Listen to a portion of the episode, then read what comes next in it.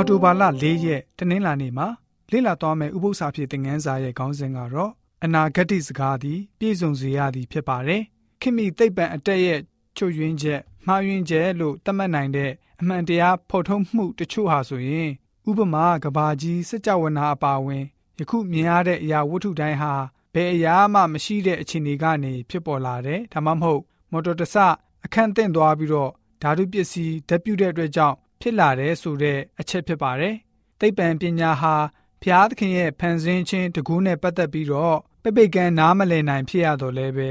အချို့အံ့ဘွယ်ရာတွေကိုတော့တန်တရားစိတ်နဲ့တအံ့တောငေးပြီးတော့ကြည်ဘူးကြပါတယ်။ဟန်ချက်ညီတဲ့သဘာဝဖြစ်စဉ်ညီမျှပြီးတော့အပေးယူမျှတတဲ့သဘာဝတရားလူသားတွေကြာဆုံးပြီးတဲ့နောက်ကဘာကြီးအပြစ်တွင်ကြာရောက်နေတဲ့တိုင်လိလာကြည့်မိနေတဲ့အခါအံ့ဩမဆုံးဖြစ်နေကြရပါတယ်။ တို့ထီကင်တွယ်ပြီးတော့ရတဲ့ရုပ်ဝတ္ထုကိုဖျားရှင်စီမံထားရှိတဲ့အတိုင်းဝိညာဉ်ရေးကြမှာလည်းပဲဖျားရှင်စီမံမှာသိချပါတယ်။ဒါကြောင့်တရားဟောကျမ်းရဲ့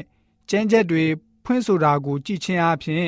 ဖျားရှင်ဟာမယုံနိုင်လောက်အောင် စီမံပြုစုတော်မူတယ်ဆိုတာကိုတွေ့ရပါတယ်။နှစ်ပေါင်း40အကြောင်းနဲ့ပတ်သက်ပြီးတော့တရားဟောကျမ်းခန်းကြီး1ငယ်3မှာပြောဖက်ပြုစကားဘယ်လိုမျိုးဖော်ပြထားသလဲတရားဟောကျမ်းခန်းကြီး1 ငယ်တစ်ကနေ6ကိုဖတ်ပါမယ်။တောကြီးလွင်ပြင်ယော်ဒန်မြစ်နာတုဖမြို့တစ်ဖက်ပါရန်မြို့တောဖေလာမြို့လာဗန်မြို့ဟာဇရုတ်မြို့ဒီဇဟတ်မြို့တို့အလယ်၌မောရှိသည်ဣသေလမျိုးသားတို့အားဟောပြောသောစကားများကို ပြန်ရလေသည်မှာကာဒေရှဘာနာအရက်သည်စိရတောင်လန်းဖြင့်ဟောရက်အရက်နှင့်၁၁ရက်ခီးကွာသည်မောရှိသည်ဟေရှဘုန်မြို့၌နေသော အာမောရိရှင်ဘရင်ရှိဟုန်ကို၎င်းအေဒရိပြည် အရှတရုတ်မြို့၌နေသောဘာရှံဘရင်ဩဃကို၎င်းလှုပ်ကြံပြီးမှတက္ကရာ40ပြည့်ဧကာဒသမလ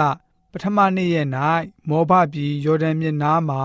ထထဖျားမှာထားတော်မူနှင့်သမျှအတိုင်းဣသေလအမျိုးသားတို့အားဆင့်ဆို၍ဟောပြောသောတရားစကားဟုမူကားငါတို့ဖျားသခင်ထထဖျားသည်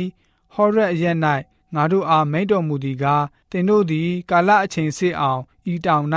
နေကြပြီဆိုပြီးတော့ဖော်ပြထားပါတယ်။ နေမြေကို ထောက်လန်းဖို့မောရှိဟာတရှူ၁၂ယောက်ကိုဆေလွတ်ခဲ့ပါတယ်။သူတို့ပြန်ရောက်လာကြတဲ့အခါမှာပြန်လည်ပြီးတော့အစီခံချက်အရာလူလူကြီးကအဲ့ဒီပြည်ကိုခြိတက်သိမ်းပိုက်ဖို့ညင်းဆိုတဲ့အတွက်ကြောင့်အကြီးအကျယ်ဆုံးရှုံးပျက်စီးခြင်းနဲ့ရင်ဆိုင်ခဲ့ကြရပါတယ်။ဘလို့ဖြစ်ခဲ့သလဲ။မျောလင်းချက်ရှိတဲ့အတိုင်းအဲ့ဒီပြည်ကိုလုံးဝသိမ်းပိုက်ဖို့ဝင်ရောက်ဖို့အပြင်းထန်ကန့်ကွက်ညှင်းဆိုခဲ့ကြပါတယ်ဒီလိုနဲ့အချိန်မီမြကြာအောင်ပြန်ပြီးတော့ စောင့်ခဲ့ရတယ်လေတောလျာကျန်ခန်းကြီး14ငယ်34မှာထိုပြည်ကိုစူးစမ်းရာနေ့ရက်ပေါင်းအရက်40နှစ်အညီတရက်ကိုတစ်နှစ်ထား၍အနှစ်40ပတ်လုံးကိုအပြစ်ကိုဆောင်လျက်ငါဆွန့်ပစ်ခြင်းကိုသိရကြလိမ့်မည်ဆိုပြီးတော့မှတွေ့ရပါတယ်ဒီလိုနဲ့တရားဟောအကျမ်းအချိန်တခြားနှစ်40ကြာတဲ့အထိဖျားရှင်ရဲ့အမိန့်တော်အတိုင်းစောင့်ဆိုင်ခဲ့ရပါတယ်။တနည်းပြောရမယ်ဆိုရင်တော့ဖျားသခင်ရဲ့ပြောဖက်ပြုစကားကို ဖျားရှင်ကိုရိုတိုင်းလိုယုံကြည်စိတ်ချမှုပြုရမယ်။တရားဟောအကျမ်းကိုအစပြုရေးသားတဲ့ပုံရ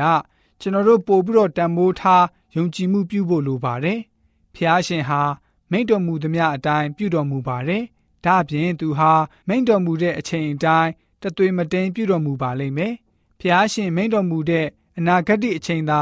ပြည့်စုံသွားစေခြင်းမဟုတ်ပါဘူး။ဖျားရှင်ရဲ့စကားတော်လည်းပြည့်စုံရပါမယ်။ယနေ့ခေတ်အချိန်ခါကိုပြန်လည်ပြီးတော့ သုံးသပ်ကြည့်ပါ။ဒိန်လအနာဂတ်ကျန်ခန်းကြီး9ငွေ24ရာနေ29ကိုဖတ်ရှုကြည့်ရှုခွင့်ရတဲ့အတိုင်းအဲ့ဒီအချိန်ဟာယေရှုရှင်ကြွလာမယ့်အချိန်လို့သတ်မှတ်ထားပြန်ပါတယ်။ဖျားရှင်ရဲ့စကားတော်ပြည့်စုံခဲ့ရပါတယ်။တကာလနှစ်ကာလ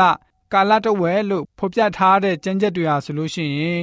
ရာဇဝင်မှာပြည့်စုံခဲ့ပါတယ်ဒေနနဂရကြံခန်းကြီး၈ငယ်14ရက်နှစ်2300ဟာဆိုလို့ရှိရင်လည်းပဲအောင်မြင်စွာပြည့်စုံသွားခဲ့ပါတယ်။ အဲ့ဒါထက်ပိုပြီးတော့ပြည့်စုံခဲ့တဲ့ပြောဖက်အနာဂတ်စကားတွေကတော့ဒိန်လအနာဂတ်ကျမ်းအခန်းကြီး1အခန်းကြီး9အခန်းကြီး10တို့ဖြစ်ပါတယ်။ကမ္ဘာသမိုင်းရာဇဝင်နဲ့ဆိုင်တဲ့အနာဂတ်စကားတွေဟာလည်းပဲပြည့်စုံခဲ့ပြီးဖြစ်ပါတယ်။ဖျားရှင်ရဲ့ကြိုတင်ထိုးထွင်းမြင်နိုင်တဲ့ဉာဏ်တော်အကြောင်းကိုကွက်ကွက်ကွင်းကွင်းဖော်ပြပေးပြီးတော့ဖျားရှင်ဟာဆိုရင်ဘလောက်ကိုးစားယုံကြည်ဖွယ်ရှိတဲ့အကြောင်းနဲ့အရာရာကိုထိန်းချုပ်ထားတဲ့အကြောင်းကိုဖော်ပြနေပါတယ်။ လွန်ခဲ့တဲ့သမိုင်းရာဇဝင်အကြောင်းတစ်လျှောက်မှာဖျားရှင်ဟာမိမိဖော်ပြထားတဲ့ပြောဖက်အနာဂတ်စကားကိုပြည့်စုံစေတဲ့အကြောင်းကိုကျွန်တော်တို့တိတိကျကျမြင်ခဲ့ရပြီဖြစ်ပါတယ်။လာမယ့်အချိန်မှာလည်းပဲဖျားရှင်ရဲ့စကားတော်ဟာဧကန်အမှန်တသွေမုတ်ချပြည့်စုံလာမှာဖြစ်ပါတယ်ဆိုတာကိုကျွန်တော်တို့ယဉ်ကျေးသူများသိရှိစေဖို့အတွက်တနင်္လာနေ့ဥပုသ္စာဖြစ်တဲ့ငန်းစာကဖော်ပြပေးထားပါတယ်။